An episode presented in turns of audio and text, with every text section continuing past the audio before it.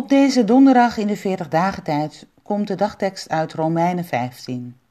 Daar staat: Mogen God, die ons doet volharden en ons troost geeft, u eensgezindheid geven.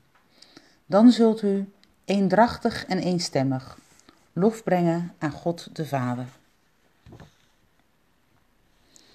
God, tot wie zouden wij anders gaan dan tot u?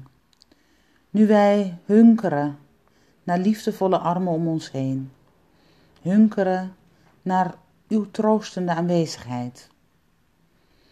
Het stormt soms zo in ons leven, het stormt in deze wereld.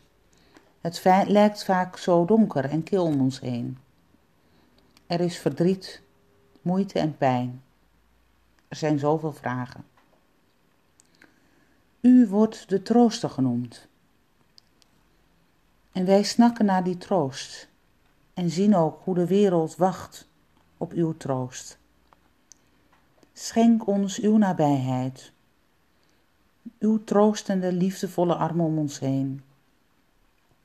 Schenk ons het zeker weten dat u erbij bent, dat uw oog op ons is en dat u ons nabij blijft.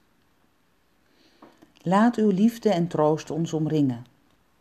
Til ons op in uw troostende en helende liefde, zodat wij uitstijgen boven onze zorgen en angsten, zodat wij uw liefde kunnen loven. Al begrijpt onze ziel het niet. Dat uw vrede, die alle verstand te boven gaat, ons mag vullen, deze wereld mag vullen, waardoor wij met hernieuwde kracht onze weg mogen gaan. Wees ons nabij deze nacht en doe ons morgen opgewekt opstaan. Amen.